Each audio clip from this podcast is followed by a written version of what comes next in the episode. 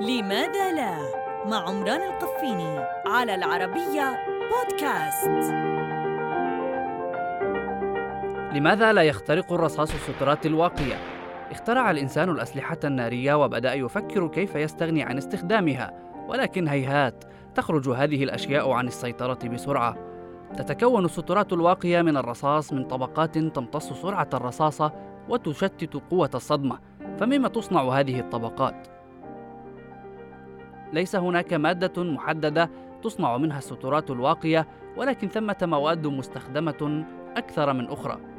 مثلا البولي إيثيلين والسيراميك بسبب كثافتيهما العاليتين ولكل سلاح ناري سترة أنسب من الأخرى فالواقية من رصاص المسدسات هي غير تلك الواقية من رصاص البنادق وغير تلك التي تحمي من رصاص القناصين.